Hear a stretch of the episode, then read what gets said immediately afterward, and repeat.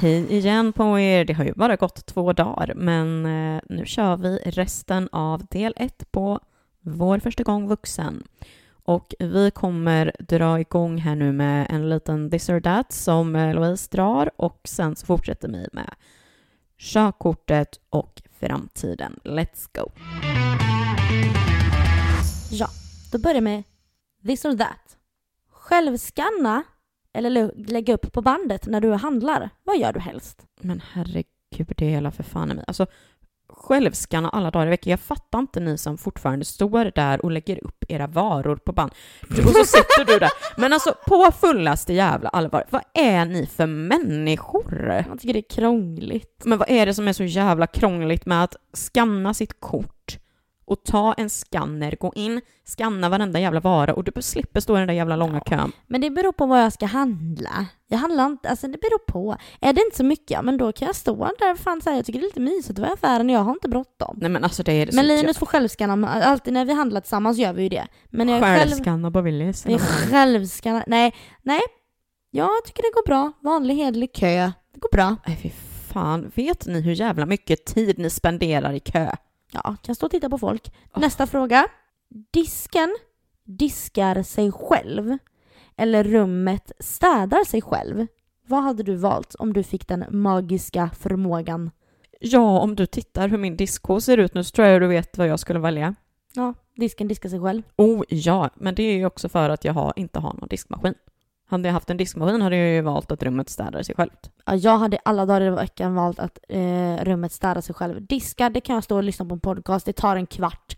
Men att det ska städa, toaletten blir kliniskt ren, golvet varenda dag när man kommer hem är fräscht och fint, sängkläder bytta. Jag Alltså hade... vet du vad? Nej vadå? Om jag väljer städ, rummet städar sig självt, då städar ju sig köket självt. Och då innebär det att disken diskar sig själv. Nej, så var inte premissen här. Här var det disken diskar sig själv eller rummet städar sig själv. Så nej. Ja. Sen har vi då nummer tre. Du får gratis mat ett år. Inte restaurangbesök utan i affären. Eller gratis bensin ett år. Jag tänkte ju säga, jag lagar knappt min mat själv för att jag hatar att laga mat och jag har ingen bil just nu eftersom att den som sagt krockade jag ju med i, eller inte krockade, det var med i en bilolycka i december så att den bilen skrotades så att eh, ja du, men jag kanske hade valt maten ändå tror jag. Det hade jag också gjort. Det hade jag också gjort. För mat, Ja. tänk vad mycket lyxig mat man hade kunnat göra och vad, fan Mm. vilket, och bjuda hem kompisar och du vet alltså, ja, du vet på ett helt annat sätt. det Jag hade också valt mat. Mm, men mat. Sen är det några bonusfrågor här faktiskt. Vad hade du valt att få om du kunde få det precis exakt just nu? En kontantinsats på valfritt belopp. En sprillans ny bil med service och all lagning och allt sånt där i fem år. Ingår försäkring och skatt också Ja. då. En gratis, ett, ett år gratis obegränsad mattillgång då. Eller obegränsat resande under sex månader. Snackar vi resande utomlands också då? Resande, ja. Den här var svår, för att, men jag utesluter nog maten och jag utesluter kontantinsatsen faktiskt, för att det där med att köpa är jag inte jättesugen på. Gud vad svårt, för att en del av mig vill ju gärna säga resa för att jag älskar att resa. Men samtidigt då när jag väl kommer hem efter de där sex månaderna så uh, har jag ju ingen nytta av det där längre, så att jag kanske säger bilen faktiskt, för att det är nog det jag är i mest eh, behov av egentligen faktiskt. Jag hade nog faktiskt valt en kontantinsats. Men det känns ju mer rimligt För de pengarna fall. nu som man har sparat till kontantinsats kan man faktiskt använda då på renovering istället. Ja, För då kommer det- man ganska långt. Så ja, jag hade valt en kontantinsats. ja. Jag tror att det har lite med ens livssituation att göra egentligen. Ja. Så, om du fick obegränsat med pengar, vi snackar liksom Bill Gates, obegränsat med pengar. Vad är det första du skulle göra? Och nu Linnea vill jag att du ska liksom tänka, du får ett sms i din telefon med en notis från din bank att grattis, du har fått obegränsat med pengar. Nu, precis, exakt nu. Vad hade du gjort? Vad jag hade gjort? Jag hade nog fått eh, panik. ja men det är ju typ det första man hade, för att man vet inte vad man ska göra. Men obegränsat med pengar och mitt första köp. Ja, det du skulle göra första, du skulle köpa någonting det första du skulle göra. Vad är det första du skulle göra? Mm. Vad är det första du skulle göra nu om du fick det här smset? Nu! Gud, alltså du vet nu blir mitt huvud på högvarv men eh, Jag kan berätta vad jag skulle göra så kan du fundera lite. mm, det låter bra. Om jag skulle få det här smset nu så hade jag sagt okej, nu pausar vi det här. Ah! Och så hade jag åkt hem till mamma och så skulle jag ställt fram datorn och bara vart vill du resa i världen? Vart vill du resa och hur länge? Så skulle mamma få säga det. Så skulle jag tagit med mig familjen, åkt till det här stället och jag skulle sagt upp mig från mitt jobb. Det jag skulle ringt och bara har pengarna, pengarna är kvar, alltså du vet det är, det är obegränsat resten av livet. Ja, det här är bara första. Det är obegränsat Ja. med pengar. De försvinner inte inom 24 timmar liksom. Det är obegränsat med pengar. Mm. Jag skulle tagit med mig mamma och familjen, åkt till det här äh, paradiset någonstans och så skulle jag se till att vi kunde vara där i typ tre månader och bara leva fucking life. Och sen skulle jag funderat där på vad vill jag göra med mitt liv nu? Linus inkluderas i min familj så jag hade fått ringa honom från Filippinerna då. Mm. Men Nej, jag hade, jag, hade- det hade jag gjort. Jag hade liksom bara första bästa bara hej, ha det gött. Får jag Bye. åka med?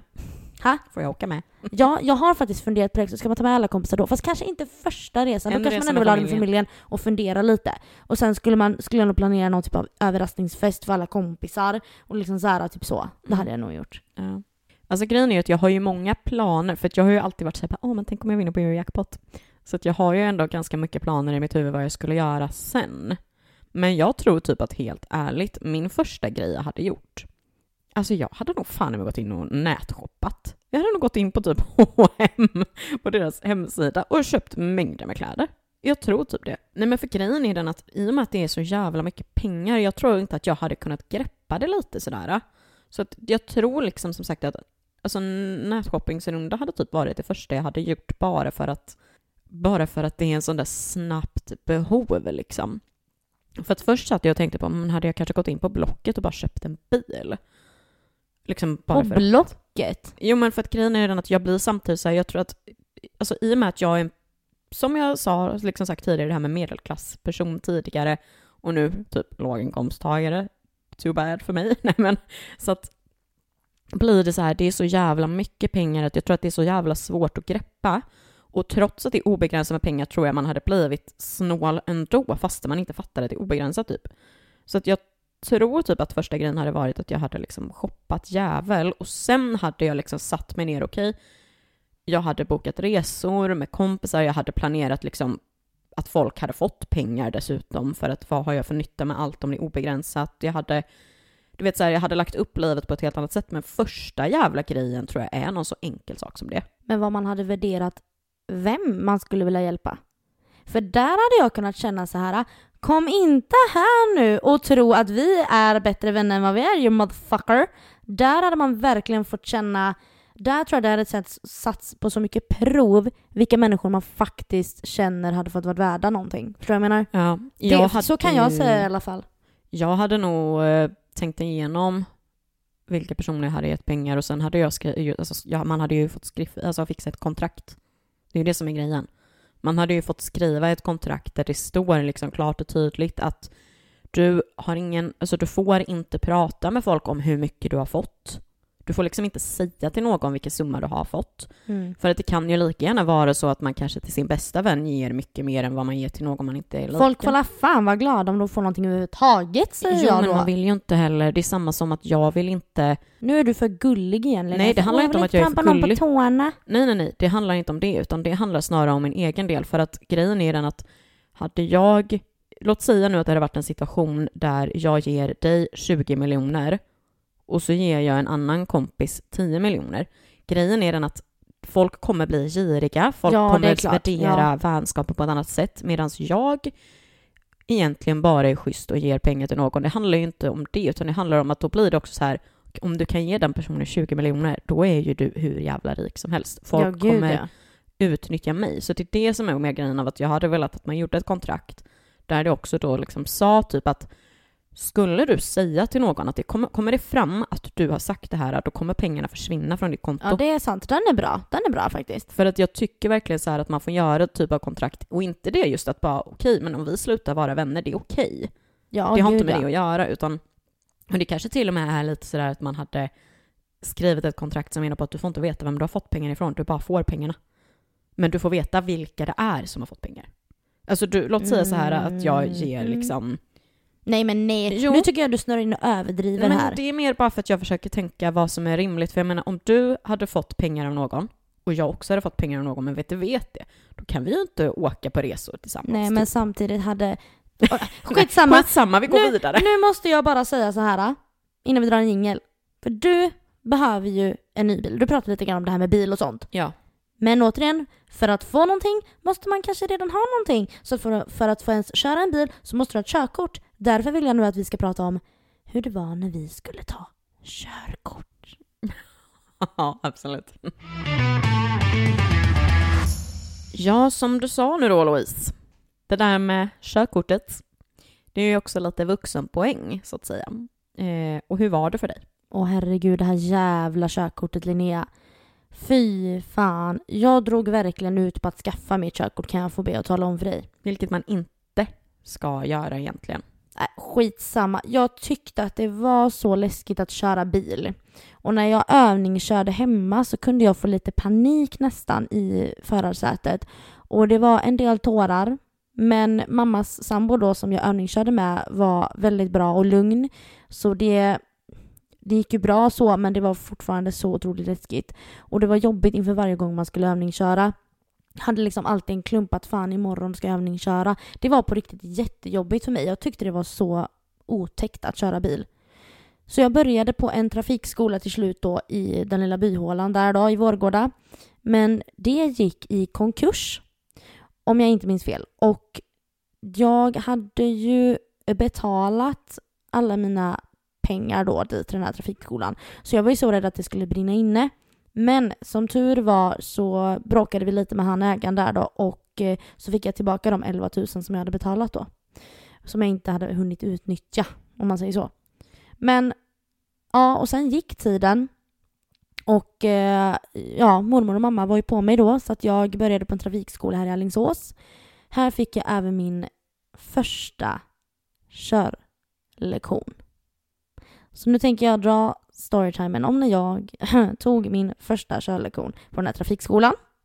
Det hela började en dag i Alingsås där jag var med en tjejkompis för eh, att fika, vi pratade en stund och hängde lite grann inför min första körlektion för jag var ju som sagt var väldigt nervös. Ja, jag tyckte ju inte om att köra bil så att jag tyckte det var läskigt och otäckt och konstigt. Men den här nervositeten var ändå hanterbar om man säger så. Så efter en stund när vi hade suttit där och fikat så, så började jag, jag började helt plötsligt att svettas, jag får ont i magen, jag blir yr och illamående. Panikattack. Ja, alltså jag gick på toa och tänkte att det kanske skulle gå över. Alltså liksom om jag fick gå och tömma magen så att säga. Mm, för att jag har ju en tendens som jag sagt tidigare att bli bajsnödig när jag blir nervös. Så min, jag var liksom tänkt att min mage måste ju balla ur för att jag är nervös liksom. Men det gick inte över. Så min kompis tog tåget hem och jag satt själv kvar inne på stationen och kände bara att jag måste spy och jag måste spy nu. Det kostade typ så 10 kronor att gå in på toan där och jag hade liksom ingen tia. Så det var bara för mig att gå ut från stationen, gå ett varv runt eh, stationshallen och eh, hitta ett lämpligt hörn att kräkas vid. När jag var på väg ut så mötte jag en bekant till mig som för ett litet tag sedan då vid den här tiden hade förlorat en kompis som jag också visste vem det var då i en trafikolycka. Och eh, vi, ja, han, han går precis förbi mig så han liksom korsar min väg så jag stannar ju upp och bara nej men hej och så börjar vi prata och kramas för vi hade inte sett sen efter, efter den här olyckan skedde då. Så vi står där och pratar och kramas och så glömmer jag ju liksom lite grann bort hur illamående jag var och eh, liksom var lite tvungen att skärpa mig. Så det kändes lite bättre en stund. Och ja, sen så drog han och eh, jag började direkt känna det här igen att jag mådde så jävla illa. Och då ser jag ju den här jävla trafikskolans bil köra upp bredvid mig där vid eh, ja, trottoaren där jag stod. Och jag kände, nej fy fan Louise, du kan inte smita och hoppa över din första körlektion liksom. Gå in i bilen och så kommer det gå över när ni börjar prata tänkte jag liksom. Så jag hoppade in i bilen och vi började prata lite grann om vad jag kunde, vad jag hade övat på innan. Och så åkte vi in till ett industriområde där jag skulle få köra då. Och jag kämpade Linnea. Jag kämpade verkligen mot kräkreflexen. Men till slut så bara säger jag, jag måste stanna.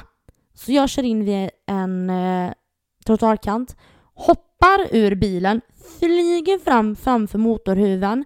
Alltså jag hinner ta liksom tre steg. Sen ställer jag mig ihopvikt framför motorhuven och kaskad spyr. Inte en gång, inte två gånger, utan tre gånger bara rätt ner på asfalten. Och det var så pinsamt och det bara sprutade kräk överallt. Alltså jag mådde så dåligt och jag skämdes som en hund. Och när jag var klar tittade jag upp och det var min körlärare på ett. Han hade lagt benen på ryggen och dratt. Så jag stod där som en idiot med spya på mina skor och runt käften. Och plötsligt så kommer han då gående från det som idag är min sambos jobb med en hink vatten för att liksom skölja bort spyan från gatan och så ger han mig lite papper att torka mig med. Så medan min körlärare hämtade, medan min körlärare hämtade en hink vatten för att spola bort det som låg på backen um, ja, så stod jag där och liksom bara what the fuck? Han drog liksom, vad fan? Ja, sen så frågade han mig om jag var magsjuk och jag sa att jag inte var det för det kändes liksom mycket bättre obviously efter man har spytt. Han ber mig att sätta mig i passagerarsätet och säger att vi avslutar lektionen här och så kör han mig till stationen. Så när jag kommer hem så fattade jag ju då att jag måste ha blivit matförgiftad. Eller någonting liknande för att jag fortsatte att kräkas. Så det var inte bara jag som var nervös i alla fall. Ja, och så gick det till när Louise Nyström skulle ta sin första körlektion. Suck alltså. Det är ju inte något man glömmer i första laget direkt. Nej, det gör man ju inte. Usch, det var hemskt. Och den här trafikläraren var väldigt så här, lite sprättig. Du vet, han såg ut som en mattelärare, en sträng mattelärare. Och du vet ju vem jag menar. Vi har pratat om det här en annan gång. Vi har haft samma eller? Mm, jag tror det. Hur som haver, det var fruktansvärt. Gud vad hemskt. Alltså om det är han jag tänker på, om det är så, då måste jag fan mig berätta det här för min morbror, för de är ju kompisar. Jag gör det. Och så ska han få Se om fråga han kommer om den här det. läraren kommer ihåg det, för det hade varit så jävla roligt. För sen efter detta då, alltså jag vägrade ju köra med den här trafikläraren igen. För jag skämdes ju så mycket. Så därför ringde jag och bad om att få en ny. Men hon jag fick då var ju istället asdryg och lät som en fucking GPS när hon körde. Så jag gav upp några veckor efter det och bytte till, bytte till en ytterligare en trafiklärare på samma trafikskola. Men alltså, jag körde med han vid ett tillfälle men sen jag bara kände att det här är hopplöst. Jag kommer aldrig få körkort, det går inte liksom. Var det han äh, äldre gubben? Ja. Ja. Men då sa min mormor till mig att eh, boka in mig på en intensivkurs istället uppe i Säffle i Värmland. Vilket ledde till att jag till slut fick mitt körkort. Jag kan verkligen rekommendera Centrala Trafikskolan där uppe i Säffle då. Det är För inte er som funderar på... För att... Eh, men alltså håll käften Linnea. Kan jag bara för det här, det här är så djupt i mitt hjärta. Ja, men jag menar mer, det är inte sponsrat. Ja, ja, ja. Men alltså den här trafikskolan, jag säger bara det att den, eh, ja, den här trafikläraren som jag hade där, vi kom jättenära varandra för han förstod ju verkligen hur rädd jag var. Och han gjorde verkligen allting inför min uppkörning. Vi åkte och tvättade bilen dagen innan så att den skulle vara sprillans alltså ren och liksom rutan skulle vara ren. Han, vi åkte och köpte kanelbullar när vi tankade upp bilen så att vi pratade och liksom så här. Ja, så jag kan varmt rekommendera intensivkurs om man ska ta körkort. Verkligen alltså. Jag, verkligen from the bottom of my scared little heart. Mm. Ja, jag tänkte ju säga det att då är det nog viktigt eh, med, om man tar en intensivkurs att man är en person som faktiskt lär sig. Alltså behåller kunskapen sen. För vissa människor som gör det har ju istället sagt att det var en miss de gjorde för att de inte kommer ihåg någonting efter. Ja men då är det ju fel på dig, då är det inte fel på skolan. Nej Vad men det är det jag det? menar med att Vad jag tror att, det, jag tror att det är viktigt att man eh, har koll Ja men man på. känner väl sig själv tänker Ja. jag. Alltså så, för min del så var det ju Mm. det här att jag var ju så rädd så att jag hann, hann ju bygga upp så mycket rädsla inför go- varje gång jag skulle köra Precis. och bygga upp liksom ångest inför. Mm. Därför där var det bättre. varje dag va? Vad sa du? Där gjorde du det typ varje dag. Intensivkursen? Ja. Ja gud ja, alltså, jag var ju där i två veckor varje dag. Ja. Eh, så att eh, det var det bästa jag kunde ha gjort. Men det är ju så för mig än idag. Jag har ju ångest när jag sätter mig i bilen för att Mm. jag tycker inte om att köra bil. Sen nu kan jag ju köra i Alingsås och Vårgårda men jag kan ju inte köra utanför Alingsås och Vårgårda själv. Det Men skulle vi åka till Göteborg då är det ju jag som får Det köra. händer inte. Nej men det är det jag menar, då är det ju jag som får köra. Ja gud, jag vart jag ens, alltså jag kör inte utanför. Jag gör inte det. Själv, aldrig i livet. Sitter Linus bredvid mig, då känner jag mig trygg och då vågar jag. Men aldrig i helvete att jag skulle köra själv. Nej, nej, nej, nej, nej. Det gör jag inte, jag vågar inte det. Men hur var det för dig när du skulle ta ditt körkort Linnea? Ja, alltså grejen var ju den att jag behövde ju typ egentligen ta körkortet eh, dels för att jag bodde som jag bodde och typ inte kunde ta mig någonstans riktigt. Um, så jag, om jag minns det rätt så gick jag, mamma och pappa på en sån där kurs när jag antingen om jag hade fyllt 17 eller om jag skulle fylla 17. Jag tror i alla fall att det var 2012 vi gjorde det. Um, och planen var ju i alla fall då att eh, det skulle liksom, ja men ett år med övningskörning skulle liksom vara lagom. För att det var som vi hade diskuterat där att två år med övningskörning, alltså nej, det är jätteonödigt. Det är bättre att vi kör igång ordentligt, och, alltså mer ordentligt och intensivt i ett år liksom. För planen var att jag skulle ta det till att jag var 18 liksom.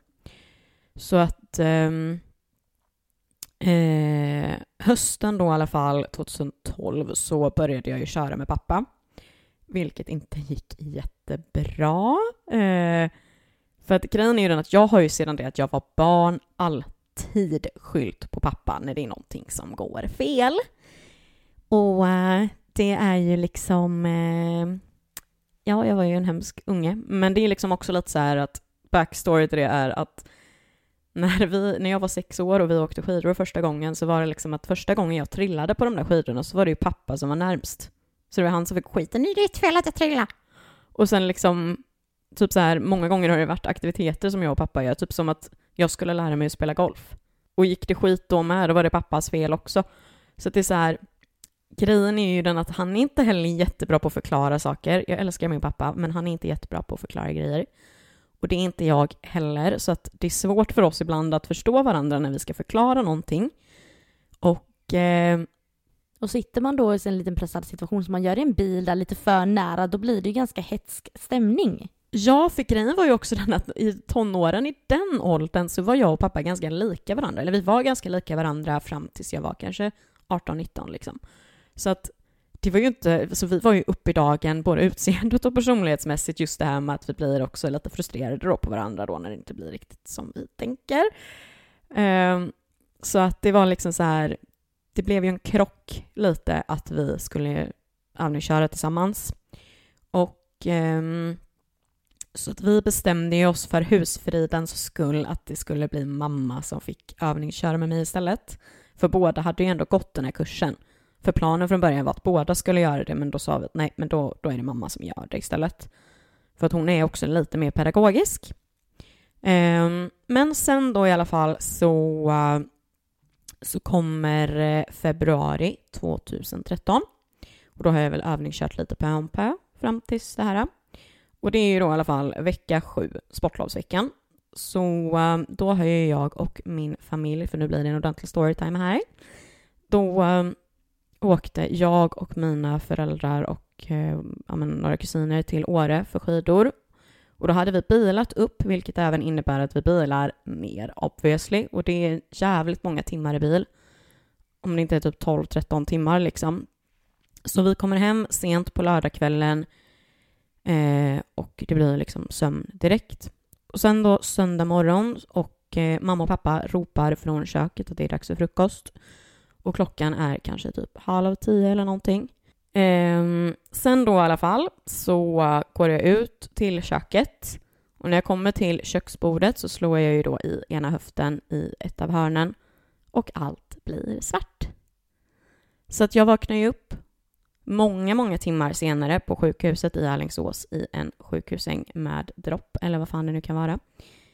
Ehm, och jag minns typ enstaka bilder i huvudet av att jag läggs på en bår, är i en ambulans, spyr i typ någon bunke och du vet ligger på något sånt där undersökningsbord och sen så liksom, ja, försvinner jag in i det svarta igen. Och för de som undrar, det har med storyn att göra, ni får bara ha lite tålamod. Um, det visar ju sig då i alla fall att uh, Linnea, snart 18 år, har ju då fått ett krampanfall från ingenstans och uh, fick då spendera en natt på sjukhuset för att de behövde ha uppsyn, eller vad man säger, efter mig. Eh, och här nu då så var det ju liksom dagen efter det här så hade jag ju så jävla ont i hela min kropp och jag kunde knappt röra mig. Alltså det var verkligen så här, tänk dig den värsta mensvärken du kan få i samband med den absolut värsta träningsverken du kan få gånger typ miljoner. Alltså det var liksom hela min kropp var alltså, stel på ett visst sätt som gjorde att det, liksom, det går inte att röra sig utan att man får ont. Så att jag kommer hem sen på måndagen och är hemma från skolan resten av veckan. Och grejen var ju den att i samband med det här, så då valde vi liksom, men då lägger vi, då lägger vi övningskörningen lite på is och avvaktar och liksom försöker börja ta reda på vad det kan ha varit som hänt. Liksom. Vilket var supertråkigt för att jag var ju taggad på det här med övningskörningen, liksom att komma igång för att eh, jag skulle ju fylla 18 den här våren liksom. Eh, och sen så en morgon så vaknar jag av att mamma ligger på en madrass i mitt rum och sover och då blir jag så här, vad fan gör du här inne liksom? Och då så berättar hon att då har det ju hänt igen under natten men inte alls lika brutalt liksom utan det var ganska lugnt. Och hon ville egentligen bara ligga där och vaka över mig liksom. Eh, och sen då, här börjar ju mamma bli lite så här, okej okay, men det är ju någonting som är fel. Eh, så hon börjar ju kontakta sjukvården och börjar googla som bara den liksom. Alltså hon ligger så jävla rejält på det här för att, för att hon har ju sina misstankar liksom. Så att jag får ju komma på en undersökning där jag får kolla hur min hjärna reagerar på ljus. Typ sådär en standardkoll med liksom det. Och sen var jag på om det kanske, jag vet inte om det är magnetröntgen eller något, man åker, ligger på en bår och förs in i någon stor jävla tub och får ligga där i typ 45 minuter eller någonting. Um, och sen händer ju ännu en till gång mitt på dagen när jag sitter hemma efter skolan och äter lunch. Och till sist då så eh, var vi liksom på ett, ett slutligt läkarbesök kan man säga. Där jag och mamma då och eh, ja, men träffade läkaren tillsammans. Och det här var kanske i maj, i slutet mot maj. Och då så säger ju läkaren att de har ju ingen aning om vad det är för fel på mig. Alltså för att ljustesterna och visar ju inte på någonting. Alltså jag reagerade precis som en vanlig människa. Och i liksom, röntgenbilderna så fanns det inte heller någonting som skulle vara med min hjärna. Och det är ju det sista man vill ha när man inte, när det är något så ändå grovt som händer, mm. att man inte hittar någonting. Exakt, för det är här då han säger att i och med att jag har fått krampanfall så måste de diagnostisera mig med epilepsi. Och grejen är ju den att, för det är här nu vi kommer in på med bilkörningen när man får alltså ett eh, epileptiskt anfall, eller om man ska säga, ett krampanfall, då, jag vet inte hur det är idag, men jag vet att så var det i alla fall då, för tio år sedan, att då är du ju en fara för trafiken, för risken finns att du kan få det när du kör, vilket innebär att du får inte köra på ett år för en del, liksom, att du, du måste vara fri från krampanfall på ett, i ett år för att få köra. Där är vi ju nu. Jag fick ju då alltså inte övningsköra på ett år. Men det brydde ju inte vi oss om eh, eftersom att jag började ju på medicin och då försvann allt. Alltså allt var som vanligt igen. Jag fick inga krampanfall liksom överhuvudtaget. Så att på sent då 2013 så började vi så smått och försiktigt övningsköra. Ehm, eh, och jag fick ju i julklapp där då ett körskolepaket med liksom en viss mängd lektioner och sådär. Så att jag tar väl typ min första körlektion i januari 2014 tror jag. Och det gick ju liksom skitbra. Och det rullade på, haha, jävligt bra. och eh, jag lärde mig också att köra ändå hyfsat fort. Alltså jag blev ganska bekväm ganska så snabbt. Eh, och det här var ju då i samband med sista terminen på gymnasiet, så det var ju ganska passande att man gick på de här lektionerna liksom efter skolan eller innan skolan om det var att man började liksom lite senare. Eh, så att jag tog det här regelbundet. Och eh, det är lite kul ändå att en av killarna från mitt register, vi gick på, vad var det, vad heter det? Knulleregister för er som inte fattar. Ja, ja precis. Vilket fråga, vilken frågande blick du fick först. Nej men precis, i mitt knulleregister finns det en kille som eh, jag blev lite, tyckte var väldigt söt på, uh, vad fan heter det? Halk, när du vet, eh, första halkan. Ja, risk... Eh, riskettan, ja. riskettan, den som är liksom teorin. Det är bara en liten fun fact. Men eh, hur som haver i alla fall så, uh, allt gick skitbra och jag minns att jag tyckte halkan var ju svinroligt. Um, och sen då så uh, mot slutet av sommaren 2014 så var det ju dags för teoriprov och körprov. Och jag minns så väl hur min körlärare inte tyckte jag var redo för teoriprovet. Alltså han var ju väldigt såhär att nej, du ska inte ta det än typ. För att jag, eh, jag var ju den som intensivpluggade typ en hel vecka innan jag skulle göra provet, vilket kanske är lite dumt, det rekommenderar jag inte. Man ska, man ska göra det under en längre tid, inte så som jag gjorde det. För att vissa saker kommer jag inte ihåg nu. Um, och då i alla fall så, för han, han sa ju liksom, med andra ord så sa han, du kommer inte få godkänt. Och sen så kommer jag där på morgonen innan uppkörningen stolt och säger ja, gissa vem som klarade teorin på första försöket med flera poäng till godo. Och det var en så jävla skön känsla att kunna bev- alltså motbevisa honom att vad fan, det var ju inte några problem liksom. Och sen så, ja, uppkörningen där gick skitbra. Och sen den dagen så körde jag ju hem själv med ett leende på läpparna. Så att 24, nej vad säger jag, 27 augusti 2014 tog jag mitt körkort. Men då klarade du på både första försöket på bägge då? För det gjorde ju inte jag. Jag klarade min teori på, teorin klarade på första, Mm. men körningen klarade jag inte första gången. Och det var en sån jävla dum grej, för att jag ser väldigt dåligt. Eh, Mhm. och jag envisas ju med att inte ha glasögon. Men när jag kör bil så måste jag ha solglasögon. Eller solglasögon. Då måste jag ha glasögon. Eh, och alltså jag måste det, annars fick jag inte ta körkort typ. Eh, och eh, på min uppkörning då så var det en raksträcka. Där det var 100, 170. Och eh, jag hade ju, i, i och med att jag ser dåligt, ibland så pluggar jag in en känsla istället. Men nu kommer den här skylten. Jag tittar inte på skylten utan jag bara pluggar in att vid det här stora trädet då kommer 70-skylten. Alltså förstår du jag menar? För jag ser ju den inte. Så det hin- förstår du jag menar? Det blir Mm. liksom att man Du lägger till med andra grejer. Man lägger till sig med andra grejer. Och det hade jag ju även gjort den här, på den här sträckan då. Så att jag kör med min trafiklärare, eller med den här äh, uppkörningspersonen. Och så, kom, och så det är en 100-skylt, jag ligger i 100. Sen får jag för mig att nu kommer ju 70-skylten. Så jag saktar ju ner och har en lastbil bakom mig. Så jag saktar ner från 100 till 70. Varpå han säger äh, du får nog ta och gasa lite grann, säger han till mig. Och jag bara vadå? Kollar i backspegeln, ser den här lastbilen, får ju panik. Så jag gasar ju på för jag, jag tycker det är fortfarande otäckt att köra bil. Så jag gasar ju på, du vet, bara blir skiträdd liksom.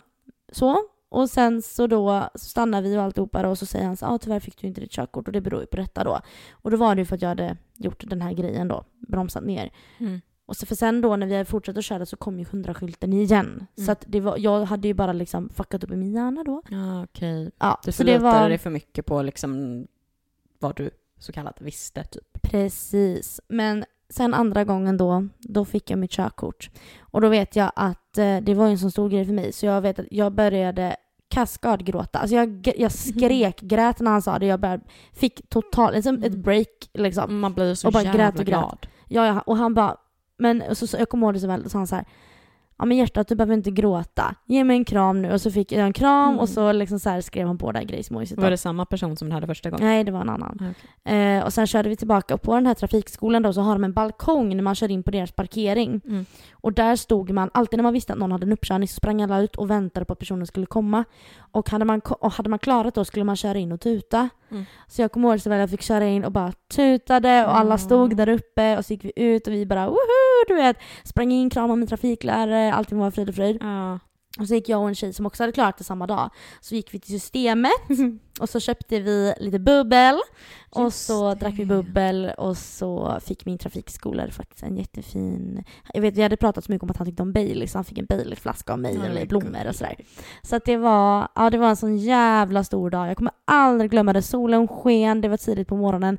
Jag kommer aldrig glömma det. Det var fantastiskt alltså. Mm. Ja, men det är ju det. Alltså det, det är en sån jävla skön känsla när man får godkänt. För att grejen är ju den att uppkörningen är ju också oftast att får, alltså failar man på den så är det oftast en så jävla dum liten sak som är så här verkligen man bara, men vad fan.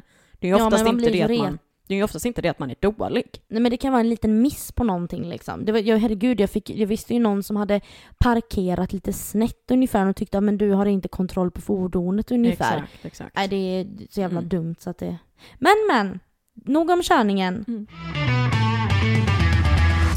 För att avsluta dagens lilla snack då, då avsluta hela det här avsnittet egentligen. Så vad har du för eh, framtidstänk i ditt liksom framtida vuxna liv? Alltså helt ärligt, inte en blekaste aning typ. För att alltså, grejen är ju typ så här mer att jag tänker så här, jag hoppas ju att jag kommer alltså verkligen kunna dra igång mitt företag ordentligt och att det faktiskt kommer gå bra och att jag kommer kunna jobba med det jag vill. Och jag hoppas ju verkligen att liksom jag kommer ha chansen att resa mycket, umgås med vänner och familj och liksom må bra egentligen. Det är väl typ så här det min grundtanke är. Men sen så hoppas jag väl också egentligen där att jag ska träffa mannen i mitt liv som jag kan göra det här med istället också. För att det är ju liksom, man flyttar ihop och, och lite sådär. Och grejen är ju den att efter vi hade vårt barnavsnitt och vi skulle skaffa barn, för jag var ju väldigt så här, ah, jag vet inte riktigt om jag vill, typ sådär, och var nästan mer åt nej-hållet. Men grejen är ju den att jag är ju lite mer sugen på att men jag kanske vill ha någon, några ungar i framtiden om, om mannen skulle vilja ha det. Liksom. För annars är det ju skitsamma, men jag skulle kunna tänka mig liksom... Men det är ju ett tag till dess. Så att jag, jag tänker väl egentligen mer att mitt framtidstänk är att jag hoppas att jag kommer kunna spendera mycket tid med vänner och familj liksom, och partner och sådär. Hur tänker du? Nu närmaste tiden så känner jag väl att jag eh, jag är nog mer glad än vad jag trodde över att Linus faktiskt gjorde den här resan. Dels för min egen skull, för jag känner att det bara nu när vi sitter här så har det ju gått tre veckor. Och de här tre veckorna redan kände jag att jag har vuxit ganska mycket på. Eh, och jag, det närmsta nu så känner jag väl att jag vill fortsätta. Att jag hoppas att jag kommer fortsätta med den träningen och att jag kommer må mycket bättre och att jag kommer fortsätta få må så här bra. Eh, sen är det väl också ja, men det här med vad jag faktiskt vill jobba med. Vill jag utbilda mig i sådana saker? Det är väl också ganska aktuellt i min hjärna, i mitt vuxna tänk. Ja, och sen hoppas jag väl att eh, jag och Linus fortsätter att älska varandra och att vi kommer eh, ha det bra ihop och att man får vara frisk. Att man eh, ja, men får vara så lycklig och ha det så bra man bara kan. Egentligen. Sen kan ju saker och ting hända, kärleken kan ta slut. Eh, man, kan, man kan råka ut för saker som man inte riktigt hade planerat. Jag menar, livet händer ju. Även om man har planerat i minsta detalj så händer livet i alla fall. Exakt. Så man vet aldrig. Men, eh, ja. Ja, men tack så mycket för idag och för att eh, ni orkade lyssna trots att vi delade upp det här avsnittet i två delar. Ja, oh, herregud, varför är vi sådana som babblar så jävla mycket? Men vi bjussar på det. Det får bli så den här gången. Jag menar bara rough-cutten liksom. Nu när man tittar bara, ah, okej, två timmar och tio minuter. Man bara, ja, ah, mm. det hade ju aldrig gått att göra ett, ett avsnitt av det här, för då hade det avsnittet blivit två timmar. Nej, det är klart, det hade inte gått.